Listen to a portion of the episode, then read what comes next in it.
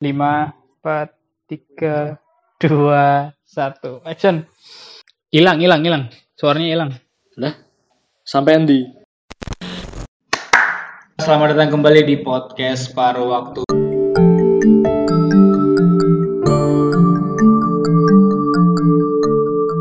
Setelah belasan purnama, em, akhirnya saya Feraldi kembali lagi bersama kawan saya yang jauh lebih lama belasan purnamanya. Ada Duta. Halo Duta. Halo, ya. Kayaknya aku ratusan purnama deh. Iya, ratusan lagi purnama lah kayak kayak Rangga ya. Gimana Duta? Apa kabar? Baik, baik. Baru aja kelar kerjain tugas. Baik ya, sehat ya. Uas ya? Ya, Ya tapi kan kita sekelas Iya, sekelompok Jadi juga kan sama kamu. kita juga satu kelompok Dut. Oh, aduh. Jadi kayaknya bahasa kurang deh. Ya, sekarang aku sama Duta lagi sama-sama di rumah ya. Saya di Kebumen, Duta di Ponorogo. Ponorogo ya. Ya, karena di rumah aja mungkin bisa sharing dulu Dut. eh, gimana keadaan di Ponorogo sekarang? Apa ya, Ponorogo baru aja ini sih turun jadi zona kuning beberapa hari yang lalu kayaknya. Gak tahu kalau naik lagi, aku kurang update soalnya akhir-akhir ini. Tapi eh, masyarakatnya orang-orangnya gimana? Ya, ini kebetulan kan ibuku tenaga kesehatan juga bidan Hmm. di puskesmas. Ya handle eh, masalah penanganan COVID di desaku terutama di dusunku. Banyak Hmm. keluhan sih sebenarnya kayak di masyarakat masih yang kurang mengindahkan himbauan untuk menggunakan masker, jaga jarak segala macam, cuci tangan segala macam. Anak mudanya banyak yang sepedaan nggak di sana? Nah itu aku juga heran nih kenapa akhir-akhir ini banyak yang sepedaan gitu. Banyak juga ya? banyak banyak. sama sih di sini juga banyak yang sepedaan dan kayaknya ya mereka udah kayak biasa aja sih dan sepedaan kayak pelarian mereka buat ini ya Iya. buat Bahkan Aku kan sering juga eh, keluar buat nyari wifi ya karena tempatku Hmm. sinyalnya agak gimana gitu. Terus ya sering nemu bahkan sekeluarga sepedaan terus mampir ke kafe segala macam.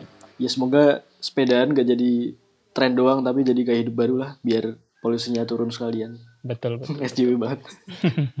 tapi kita nggak lagi ngomongin new normal jauh-jauh lah ya kita ngomonginnya lebih dekat lagi aja Eh, sebenarnya duta ratusan purnama nggak ada di paruh waktu juga karena dia sekarang lagi mengemban eh, tanggung jawab sebagai ketua salah satu lembaga eksekutif di fakultasnya nih teman-teman. Jadi ketua ini ya Waduh waduh. organ mahasiswa eksekutif yang itulah. ya itulah. Gimana rasanya Dut? Jadi ketua BEM online. Wah langsung nembak online nih. Kan kan kamu ini ya, kamu eh, tersimbolkan sebagai seorang ketua BEM online pertama gitu di fakultas. Iya kan? Gimana rasanya tuh? Ya, ya mau nggak mau cap itu akan selalu muncul kalau nanti cerita-cerita ya. Apa ya? Sebenarnya kan ini tahun terakhirku buat aktif di organisasi kampus. Tahun ketiga. Ya tahun depan nggak mau lagi lah Hmm. karena udah udah puas eh, ngejalanin organisasi di kampus gitu kan. Terus ya ini di awal-awal dulu tuh aku semangat gitu kan. Mau wah, mau nge lagi, mau mau benahin semua yang dulu-dulu kurang mau bikin inilah itulah segala macem eh tiba-tiba aku inget banget waktu itu di proker pertama ketika habis pelantikan namanya upgrading atau ya makrab gitulah di mau pergi ke suatu tempat terus nginep bareng ada seneng-seneng ada ya pokoknya kumpul bareng di situ gitu kan malamnya hamin hamin satu malamnya itu dapat kabar kalau Solo KLB otomatis besok paginya aku batalin eh, acara ini dan orang-orang pada pulang gitu kan. Terus ya sempet kepikiran lama gitu. Ini berapa lama nih pandemi kayak gini? Waktu itu aku belum nyari tahu tentang pandemi itu biasanya berapa lama, terus pembuatan vaksin itu berapa lama segala macam. Jadi asumsiku masih wah ini paling bentar doang. Jadi ya udahlah santai dulu gitu kan. Eh makin ke sini ya udah makin paham aja eh, berusaha memahami kondisi dan ya teman-teman yang lain gitu biar yang penting selama org- organisasinya jalan sesuai tugas fungsinya segala macam nggak masalah gitu Berarti se- selama pandemi ini kamu ada proses kayak bukan denial sih ya, proses kayak masih optimis ini bakal berakhir cepat gitu ya. iya pasti aku di awal tuh malah masih optimis masih kayak oh ini paling jujur dulu tuh mikirnya paling dua minggu doang gitu kan. Makanya aku pulang juga Ah, nggak bawa baju apa apa makanya ini sekarang baju cuman Ah. ada berapa nih? Dipakai terus. Terus eh, sempat ngedown juga karena oh ternyata lama ada KLB diperpanjang segala macem muncul aturan-aturan PSBB segala macem. Terus bahkan aku di minggu-minggu terakhir ini aku sempat optimis lagi karena ya ada kabar bakal new normal ada kabar bakal eh, kuliah offline lagi bisa ketemu teman-teman ya dengan berbagai himbauan segala macem. Itu sempat optimis lagi tapi kemarin banget ketika ada pengumuman dari Kemendikbud itu ya langsung ya udahlah nggak mau mikir jauh-jauh lagi mikirnya yang deket-deket dulu aja gitu itu sih bedanya apa aja Dut? Antara kamu kan berarti dua tahun sebelum ini offline ya? iya Dua tahun sebelumnya itu offline dan bener-bener pure uh, jalanin proker secara tatap muka gitu kan. Hmm. Terus tahun ini kamu hampir semua ya kayak berapa baru berapa hari doang gitu ya kamu menjalani proker secara offline terus langsung online gitu kan. iya Paling kerasa bedanya di bagian apa? Dut? Apakah di proker-prokernya atau di komunikasi sama teman-teman atau gimana tuh? Eh, sebenarnya kalau proker sih aku nggak terlalu musingin dia selama proker itu bisa dialihkan ke online atau dibentuk lain atau ditunda nanti aku nggak masalah sebenarnya. Yang paling pengaruh tuh ya manusia di dalamnya gitu kan. Karena menurutku organisasi organisasi itu tentang manusia yang ada di dalamnya. Sumber daya utamanya ya manusia-manusia ini gitu. Cuman kan eh, ya ini orang-orang di dalam organisasi ini kan ya bukan robot ya mereka manusia. Jadi susahnya di situ paling beda tuh gimana caranya mahamin orang-orang dengan cara online gitu kan. Kayak contoh ada satu orang yang ngechatnya cuman ya ya ya gitu doang tanpa ada tambahan apa-apa. Nah itu kan otomatis bikin ya sedikit banyak berpengaruh terhadap cara kita komunikasi cara kita gimana memahami eh, kondisi mereka yang sebenarnya kayak gimana gitu. Itu sih yang paling bikin susah dan ya ujung-ujungnya masalah komunikasi dan koordinasi antara orang lagi gitu ada orang yang hilang juga kita nggak bisa nyari karena nyarinya sebatas telepon kalau nggak WA kalau udah hilang ya udah hilang berusaha memaklumi gitu Dan mungkin yang paling kerasa lagi, sekarang sosial media bener-bener dipakai banget buat platform kita ini ya, buat jalin broker. Termasuk buat eksistensinya kita, eksistensinya organisasi itu bakal banyak tertunjukkan lewat sosial media gitu nggak sih? Kalau dari BEM yang kamu pimpin sekarang. ya jadi eh, emang aku ngerasa di dua tahun yang lalu eksistensi BEM di sosmed ini agak kurang maksudnya konten-kontennya masih sebatas info dan kurang banyak konten yang edukatif atau informatif atau Ya. sekedar santai-santai gitu kan karena makin ke sini kayak orang-orang makin suka sama konten santai untungnya di awal eh, ngobrolin BEM sama teman-teman mau bikin BEM-nya kayak gimana ya udah kepikiran ini nanti bakal ngebanyakin konten segala macem jadi seenggaknya udah punya pegangan itu ditambah pandemi kayak gini ya kita udah punya bekal buat Jadi makin kelihatan ya. nah Hmm, jadi makin kelihatan juga. Oke, terus ini ngomong-ngomong kalau di eh, BEM kamu juga pastinya ada event-event yang gede gitu kan. Event-event gede yang harusnya diselenggar diselenggarain secara tatap muka gitu. Terus sampai saat ini nasibnya gimana tuh? Ya termasuk eventku juga ya. ya kan kamu yang megang juga iya, iya sih. Iya sih. Sebenarnya aku ini loh teman-teman, aku orangnya Duta juga. Ya jadi salah satu apa sih namanya? Budaknya Duta. Enggak budak sih. Ya temennya Duta. temen lah temen Gimana, kalau dari kamu gimana kalau dari kamu? kalau proker-proker gede ya proker gede kan salah satu yang dicari orang-orang ketika daftar BEM atau ya yang ditunggu orang-orang entah itu anak fakultas atau secara umum masyarakat gitu kan Eh apa ya jujur agak kecewa sih sedih sebenarnya kok nggak bisa ngejalanin proker itu lagi karena di, di proker-proker yang lumayan gede ini biasanya banyak cerita yang muncul dari situ banyak eh, hal-hal yang bisa didapat dari situ gitu kan Nah dengan adanya online ini ya terpaksa harus nyiapin berbagai skenario, entah berapa skenario skenario yang udah disiapin gitu kan. Ini harusnya kamu jawab sih Fer, udah nyiapin berapa skenario. Ya ya.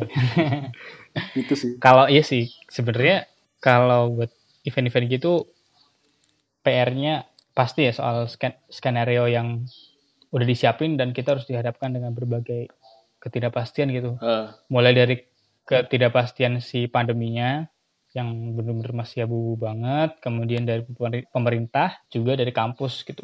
Bahkan sampai nanti ketika eh, organisasi itu sendiri juga pasti punya banyak skenario dan dihadapkan dengan banyak ketidakpastian gitu. bener-bener. dari situ ya kita PR banget sih. Dulu kita di awal ini asumsinya selesai um, April gitu. April kita tetap jalanin event. Kemudian sampai April nggak ada kepastian, mundur lagi jadi Juni. Juni pertengahan, ya sekarang-sekarang ini masih nggak ada kepastian lagi. Akhirnya mundur lagi sampai September atau Oktober gitu. Dan ya itu cukup bikin pusing dan ini ya proker-proker yang lain jadi terdampak juga gitu loh susunan oh, timeline prokernya gitu kan. Ber, ber, berpengaruh juga ke itu gitu. Dan ya itu sama yang kayak kamu sampein gitu. Uh, unsur-unsur atau sensasi-sensasi pengalaman-pengalaman di luar ngerjain sesuatunya artinya interaksi sama teman-teman dan feel pusing terus debat dan segala macam yang biasa dirasain ketika ketemu nih nggak terlalu dirasain ketika online gitu. Rasanya sih weird gitu loh aneh tapi ya emang harus dijalanin gitu. Karena ini mungkin hal baru banget buat kita gitu. Bener. Dan menurutku uh, ketika kondisi kayak gini terlepas dari semua kesedihan sambatan atau kekurangan yang ada kita jadi nemuin hal-hal baru yang dulu nggak pernah kita jamah kayak gitu. Misal kayak ngadain webinar secara rutin atau rapat secara online. Dulu kan nggak pernah kepikiran apa bisa nih rapat online atau webinar secara online dan apakah efektif gitu kan. Tapi uh, makin ke sini makin orang-orang makin terlatih, makin bisa adaptasi dan ke depannya kayaknya ini bakal jadi ya lagi-lagi new normal kebiasaan yang baru, kenormal yang baru dan pertemuan-pertemuan yang sifatnya langsung itu bakal jadi satu kemewahan yang bakal kita bisa rasain ke depannya gitu dan gak ada lagi orang-orang yang uh, ya semoga ya nggak ada lagi orang-orang yang meremehkan suatu pertemuan atau ngeremehin waktu kayak gitu sih harapanku kayak gitu sih oke okay. uh.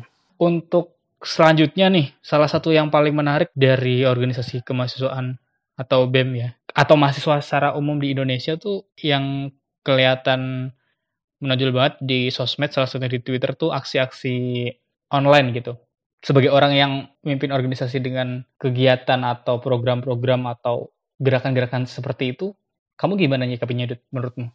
Uh, aksi online ya, awalnya sih uh, gini, awalnya aku sempat pesimis dengan aksi online. Maksudnya kayak bikin hashtag trending di Twitter segala macam. Beberapa kali juga sempat bikin, tapi endingnya juga ketika udah turun ya udah nggak ada apa-apa lagi itu. Dan itu kayak itu kayak masalah komitmen dan follow up yang kurang konsisten dari penggerak-penggeraknya gitu kan. Nah cuman ternyata hal ini ngefek juga uh, dalam lingkup kampus ya aku baru ngomongin lingkup kampus ini efek juga ketika ada aksi online karena benar-benar langsung dapat respon dari ya kampus yang kampusnya kita. Karena mereka sangat menjaga nama baik segala macam yang ketika ada aksi online yang mengandung mungkin menurut mereka sentimen negatif itu bakal langsung dapat respon dan ya bisa aja orang yang bersangkutan dipanggil atau dicari kayak gitu. Dan akhirnya membuka ruang-ruang dialog baru antara si pemegang kebijakan ini sama yang mahasiswa yang penggerak aksi atau yang ikut aksi gitu. Hmm, Oke. Okay. Nah tapi dari ruang-ruang ini juga sampai sekarang belum nemu titik temunya gitu. Masih banyak perdebatan dan masih banyak cekcok. Belum bisa untuk mencapai goalsnya yaitu tuntutan-tuntutan yang diajukan oleh mahasiswa kepada si pemangku kebijakan ini. Kalau secara nasional, aku lihat aksi online ini musuhnya sampai sekarang satu sih buzzer. Karena beberapa kali aku lihat fenomena ya entah yang kemarin Papuan Lives Matter terus ada terbaru bintang Emon segala macam hmm. sering banget ketika ada kritik yang dinaikin ke medsos Twitter terutama terus jadi trending langsung muncul trending yang kayaknya nggak organik karena juga banyak yang nganalisis segala macam kan. Dan itu ternyata uh, memang bukan trending yang organik banyak akun buat di situ segala macam. Itu untuk case yang nasional ya? Iya bener. Nggak tahu ntar kalau kampus pakai buzzer juga, ya semoga enggak lah ya.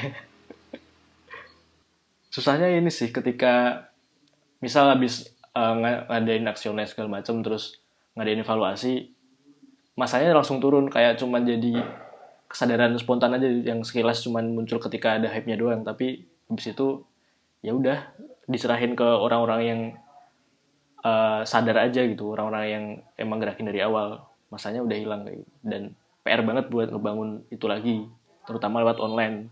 Karena ketika ada forum konsolidasi misal dari pertama yang ikut itu kira-kira ada puluhan orang lah. Makin ke sini makin rendah rendah rendah dan jadi cuman ya bisa dihitung lah dengan jari. Itu sih yang susah. Gimana bertahanin masa atau menghimpun kekuatan yang dari awal udah disiapin biar bisa untuk uh, ngedesak lagi dan bisa lebih kuat gitu. Susah bangetnya di situ. Berarti uh, PR-nya nge-engage masa secara berkelanjutan ya? Nah iya tapi secara pola itu pun sebetulnya juga dirasakan ketika teman-teman ngadain aksi secara tatap muka kan?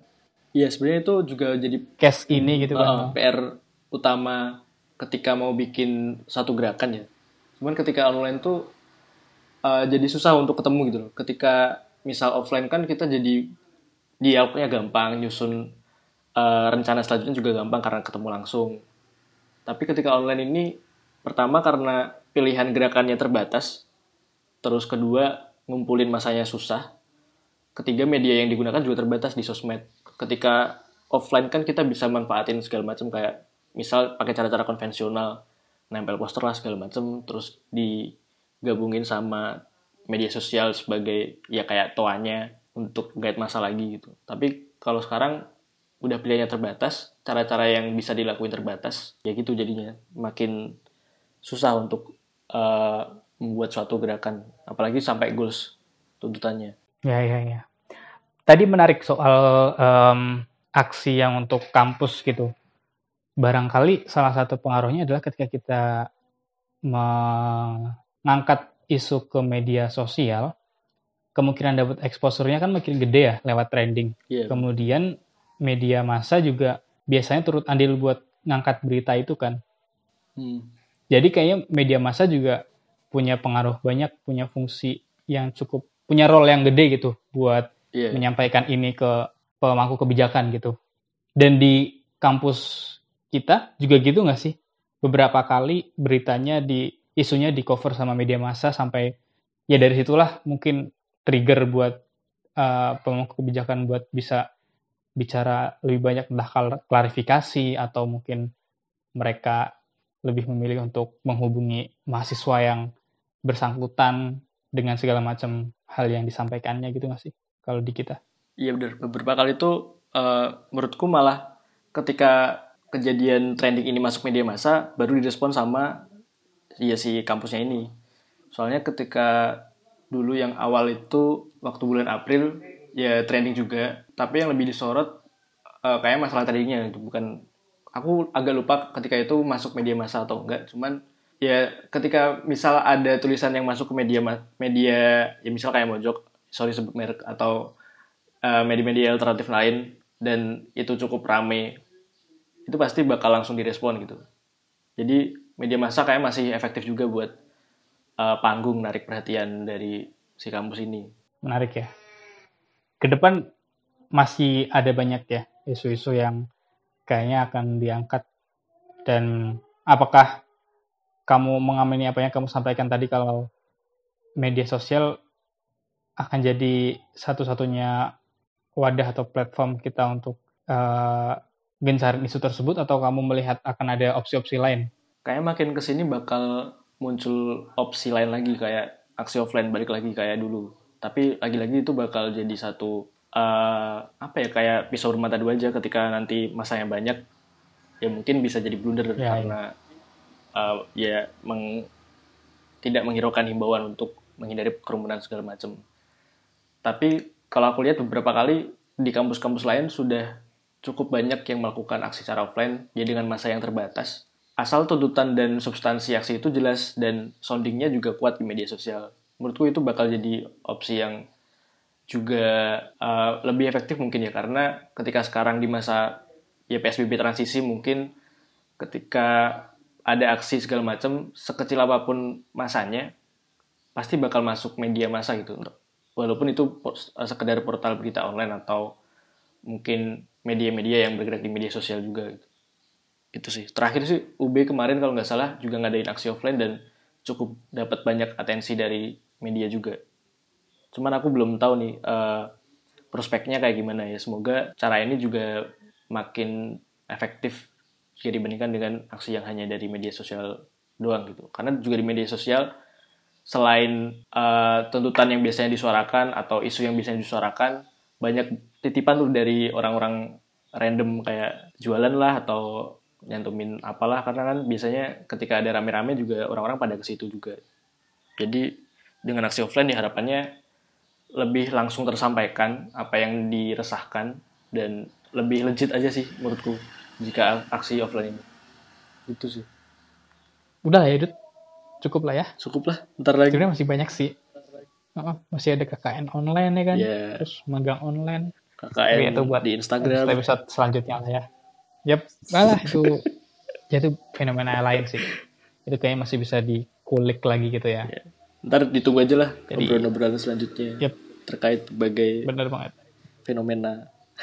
Kalau teman-teman ada usulan mau bahas apa, nggak usah disampaikan. Ya gimana dong? Nggak usah. Kita juga bingung mau Iya. ngomong apa. Karena podcast ini kontennya suka-suka kita, nggak menerima request. Iya betul. Betul betul betul betul. Nggak tahu sih tapi kalau Teguh sama Dela ya, kalau kita sih nggak nerima request, Iya. kita mau suka sendiri gitu. Uploadnya kapan suka-suka. Ya udah, terserah. Ini kita nggak tahu setelah berapa bulan gitu kan. Iya. Ya maafkan Ya udah gitu, bandel. sip. Thank you banget waktunya Dut. Yuk, Sekarang bisa kasih kembali juga. ke aktivitas masing-masing Semoga bisa cepat ketemu. dan. Dan semoga ya kita makin rajin nge-podcast Amin. dan bisa sering-sering ngomong jargon closing kita ya. Apa jargonnya? Uh, utarakan, Udarakan. udarakan. Bye.